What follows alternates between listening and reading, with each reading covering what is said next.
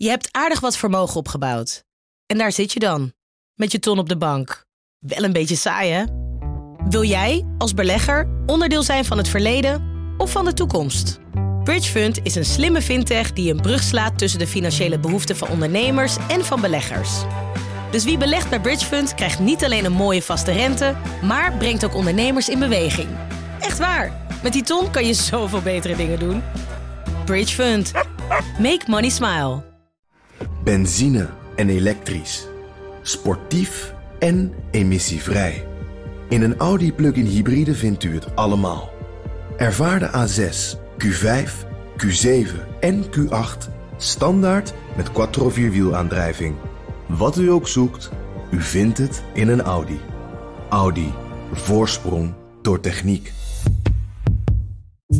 Vanaf de redactie van NRC het verhaal van vandaag. Mijn naam is Lemja Aharoy.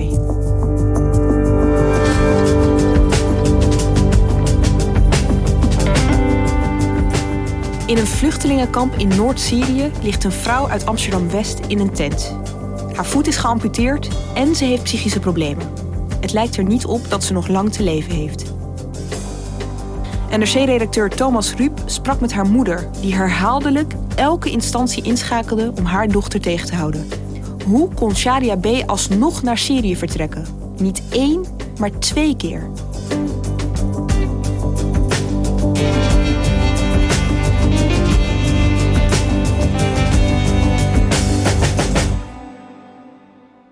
Thomas, de afspraak is eigenlijk dat ik op jouw plek kom te zitten op het moment dat jij ziek bent. Ja. Maar nu zijn we er allebei en je ziet er niet heel ziek uit. Nee, nee, ik ben niet ziek inderdaad. Waarom ben je hier? Ja, nou, ik, ik heb sinds uh, vandaag begonnen is en ik dit presenteer eigenlijk helemaal geen tijd meer gehad. Omdat het natuurlijk een dagelijkse podcast is om daar verhalen bij te schrijven. En nu is er vorige week een verhaal voorbij gekomen waarvan ik toch dacht, ja, dit uh, moet ik toch gaan maken. En ja, mezelf interviewen, dat was een beetje een moeilijke situatie geweest. Nee, dat, uh, dat snap ik inderdaad. Um, wat is er gebeurd? Twee weken geleden was er een Nederlandse vrouw die contact met mij zocht met de naam Hafida. En zij zei dat zij bestookt werd met appjes. Uh, met landcode 00963. En dat is Syrië. En die appjes die gingen over haar dochter. We willen je zeggen dat je dochter er zeer slecht aan toe is. Ze is fysiek en geestelijk ernstig ziek. Ze leeft onder slechte omstandigheden, leeft en slaapt in poep, eet vuilnis. We weten dat haar voet eraf ligt, uh, zeer waarschijnlijk geamputeerd, mogelijk na een verwonding. En verder alleen de informatie die uit die appjes naar voren komt. Ze heeft siher. We willen van jou weten hoe we dit kunnen weghalen. De kinderen gooien stenen naar haar. Van deze onbekende afzender moet Hafida alles doen wat ze kan om het leven van haar dochter te redden. En haar dochter is Shadia B. Dat is een van de Nederlandse vrouwen die op dit moment verblijft in de Koerdische kampen. Wie is Shadia? Ja, Shadia groeide op in uh, Amsterdam-West bij haar moeder, uh, die alleenstaand is.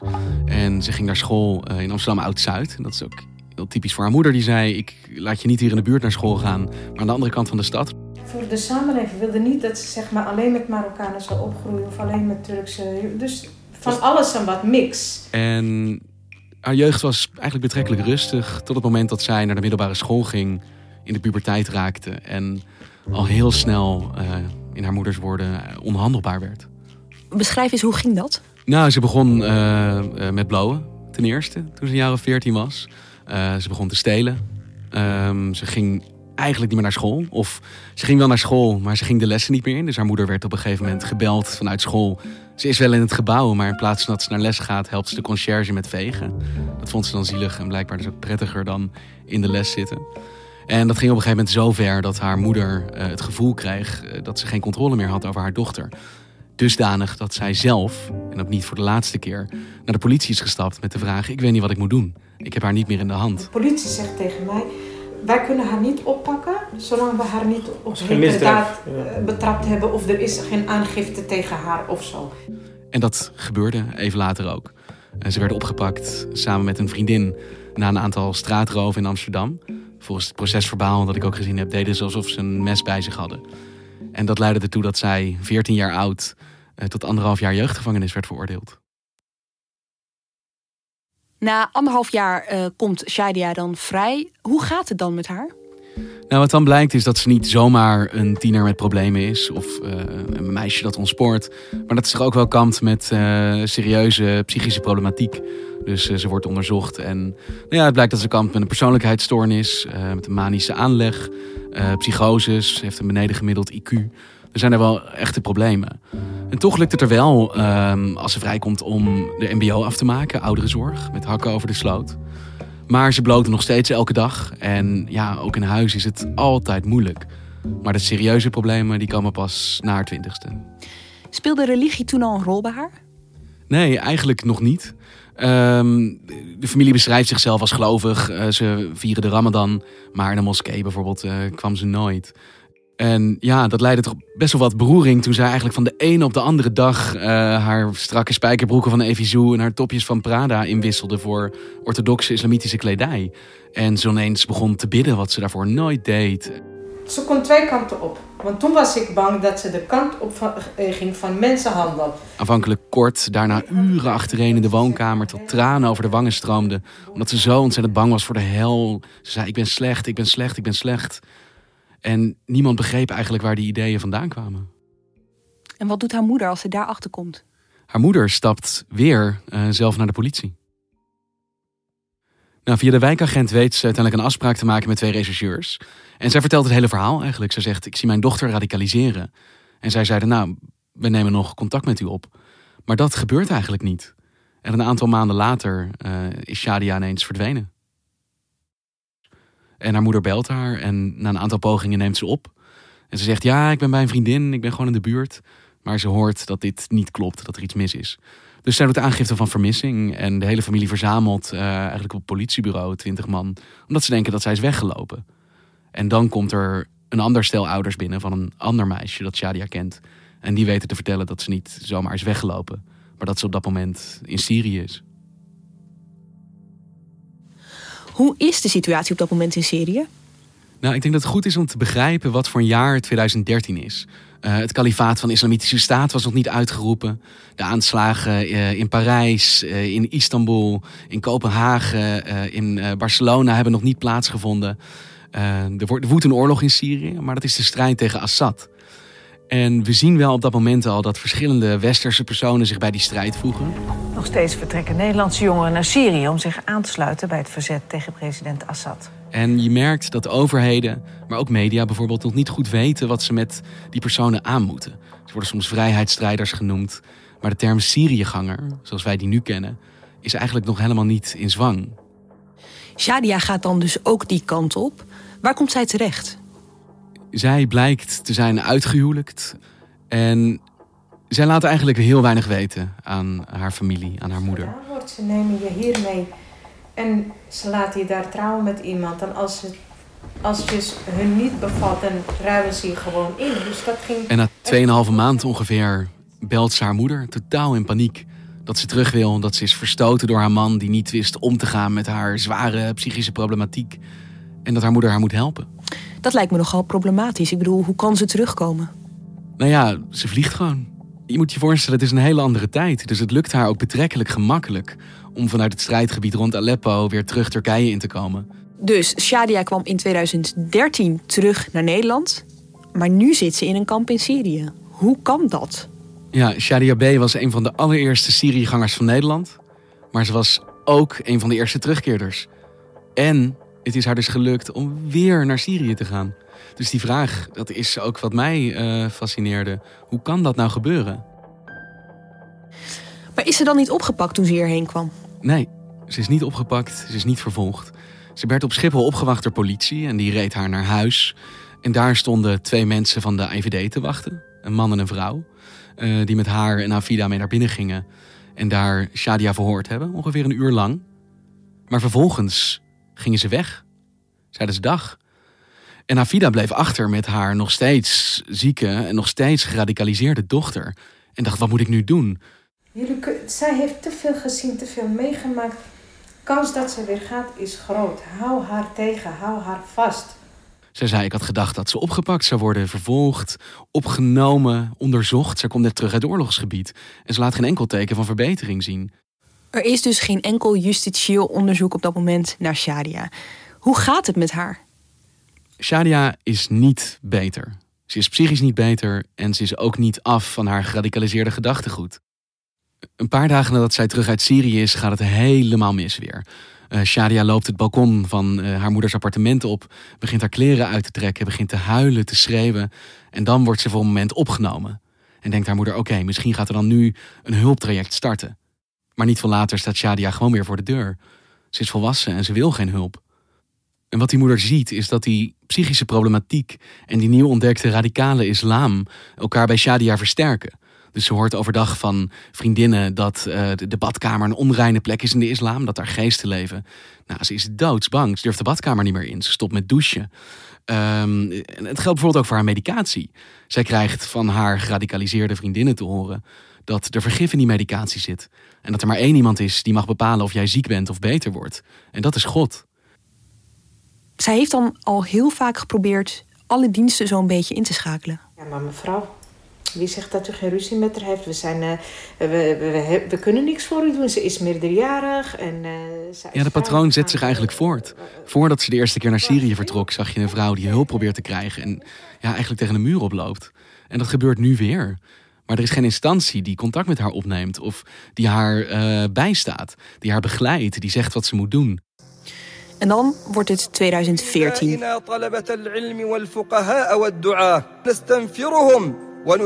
Op 29 juni 2014 roept Abu Bakr al-Baghdadi het kalifaat van de Islamitische Staat uit. Uh, dat is een audioboodschap die eigenlijk de hele wereld over gaat. En hij zegt: O moslims, haast u naar uw staat. Pak de wapens op en vecht, vecht. En wat je dan ziet, is dat zijn oproep enorm gehoor vindt. In totaal zullen ongeveer 40.000 uh, westerse personen, vooral jonge mannen, maar ook vrouwen, afreizen naar dat strijdgebied. En niet veel later staat Shadia weer op Schiphol. Haar moeder wordt gebeld door een vriendin van Shadia. Die zegt, uh, ze is op Schiphol, ik ben hier met haar. En haar moeder zegt snel, pak haar paspoort af. Dus het lukt die vriendin om ongezien uit Shadia's tas haar paspoort uh, te pakken. En als ze wil inchecken en een vlucht naar Turkije, heeft ze dat niet. Dus ze denkt, ik ben het verloren, ze is in de war. En haar moeder denkt, het gevaar is afgewend. En intussen belt haar moeder de politie. Van luister, ze gaat weer weg.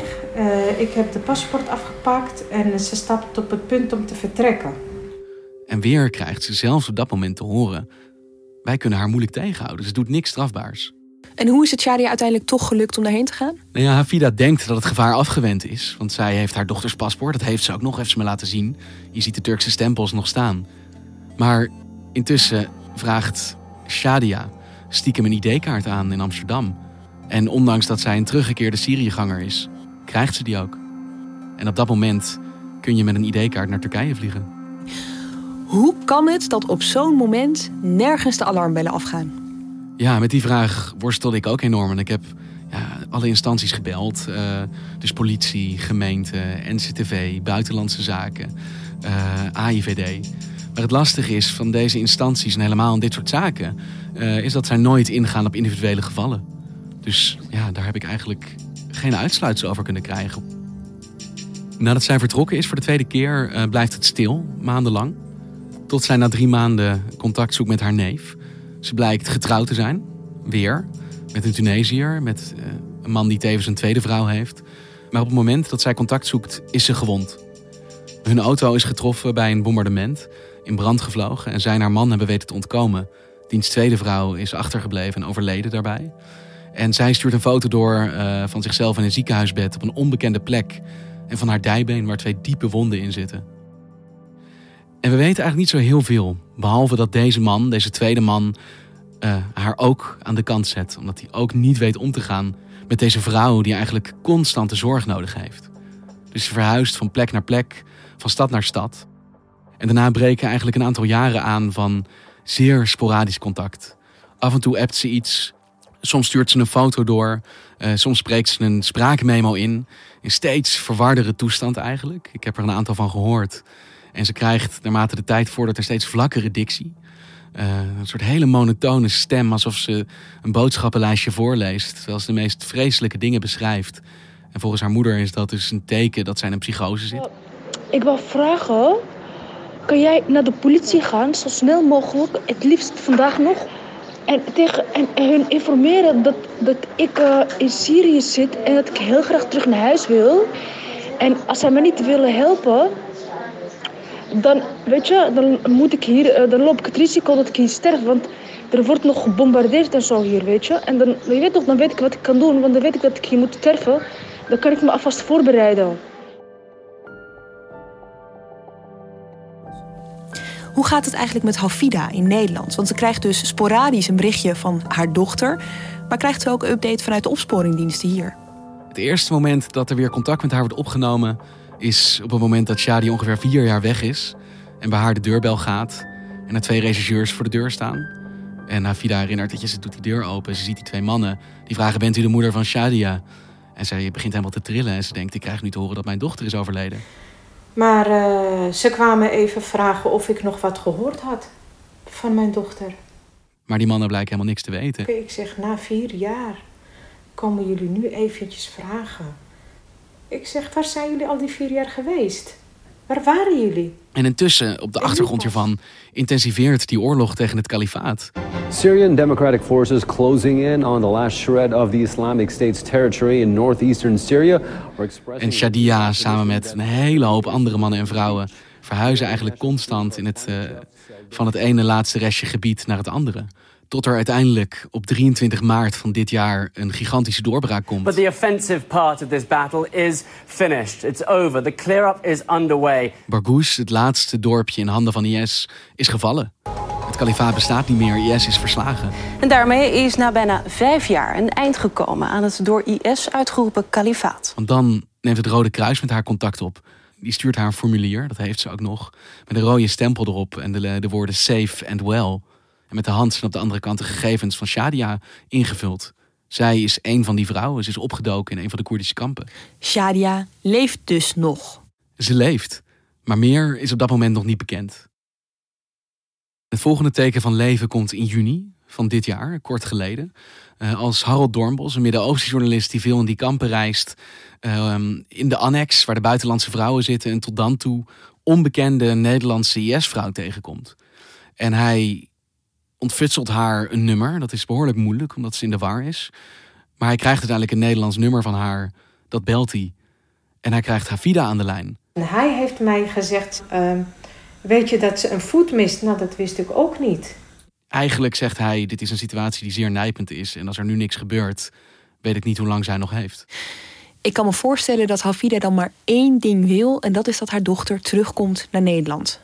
Ja, zeker. Maar dit is natuurlijk een hele andere tijd dan in 2013. Even een vliegticket boeken uh, vanaf de grens is er niet meer bij. Nederland werkt niet mee aan het terughalen. Niet van vrouwen, niet van kinderen. Zeker. Wij hebben de taak dan, als politici en, dan, en zeker maar we zijn ik als minister-president... om dit land te beschermen zijn... tegen deze elementen. Dat zal ik tot mijn laatste snik doen. Zeker. En, en ook nu is er dus geen instantie die Hafida kan helpen om haar terug te krijgen. Wat ze wel krijgt, is excuses. De gemeente Amsterdam betreurt dat het zo gelopen is. Dat Hafida heeft kunnen uitreizen. En eigenlijk dat Hafida zo lang nul op haar request heeft gekregen. Elke keer dat ze hulp vroeg. En later heeft ook burgemeester Femke Halsema gezegd... Nou ja, dat ze meeleeft met de situatie. Maar dat ook zij niks kan betekenen voor terugkeer. Wat vindt Hafida daarvan, van die excuses, van dat bezoek van Halsema? En uh, toen waren we uitgenodigd bij Femke. En uh, weet je wel, zij vond het ook heel erg. Ze was echt heel erg uh, menselijk hoor. ze had en zij zegt, het is heel fijn om te horen dat dingen anders hadden moeten gaan. Maar het feit blijft volgens haar dat Shaida als een psychiatrisch patiënt... van wie bekend was dat ze geradicaliseerd was... die al een geschiedenis in Syrië had, nooit had mogen uitreizen. En nu is ze daar op wat zij beschrijft als drie uur vliegen en een paar uur rijden. En er is niks wat ze kan doen. Ja, je wil het eigenlijk, denk je van, goh, dit is gewoon een nachtmerrie. Maar ja. die nachtmerrie duurt wel heel erg lang. Ja. En die nachtmerrie gaat niet over, wordt alleen maar erger. Je ziet het eigenlijk de afgelopen jaar vooral dat deze vrouwen, en Shadia is niet de enige die in dit kamp zit, onderdeel zijn van een nationale discussie. Wat, wat moeten we ermee? Wat is de verantwoordelijkheid van de Nederlandse overheid? Deze mensen zijn zelf die kant op gereisd. Betekent dat ook dat de overheid zich niet moet inspannen om ze terug te krijgen? En hoeverre geldt dat bijvoorbeeld voor hun kinderen?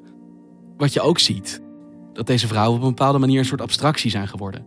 We hebben het over de Nederlandse IS-vrouwen. Maar wie zij zijn, wat hun verhalen zijn, is eigenlijk voor een heel groot deel onbekend. Ze hebben geen gezicht. En Shadia is daarin natuurlijk best een extreem geval. En daarnaast hebben we begin deze week gehoord dat uh, Trump de Amerikaanse troepen nu toch echt gaat terugtrekken uit dit gebied. En zij waren daar toch zeker een stabiliserende factor. En dit betekent dat er nu de mogelijkheid is ontstaan dat de Turkse president Erdogan besluit om Syrië binnen te vallen. Met de Koerden die hem al veel langer een doorn in het oog zijn daar. En dat dat betekent dat er mogelijk weer oorlog komt. En het is maar de vraag natuurlijk wat dat voor deze kampen gaat betekenen en de veiligheidssituatie daar. Terug naar Shadia. Wat is de kans dat zij dit overleeft? Het laatste wat ze nu gehoord heeft is afgelopen donderdag geweest. En dat is een app uit het kamp van een onbekende vrouw die zegt: We weten niet hoe we haar moeten helpen. Het gaat, het gaat niet, goed. goed. Ze komt haar tent nooit uit. Ze is boos en eng en verdrietig. Je kunt je niet voorstellen hoe slecht ze eraan toe is. Op deze manier zal ze sterven. Dankjewel, Thomas.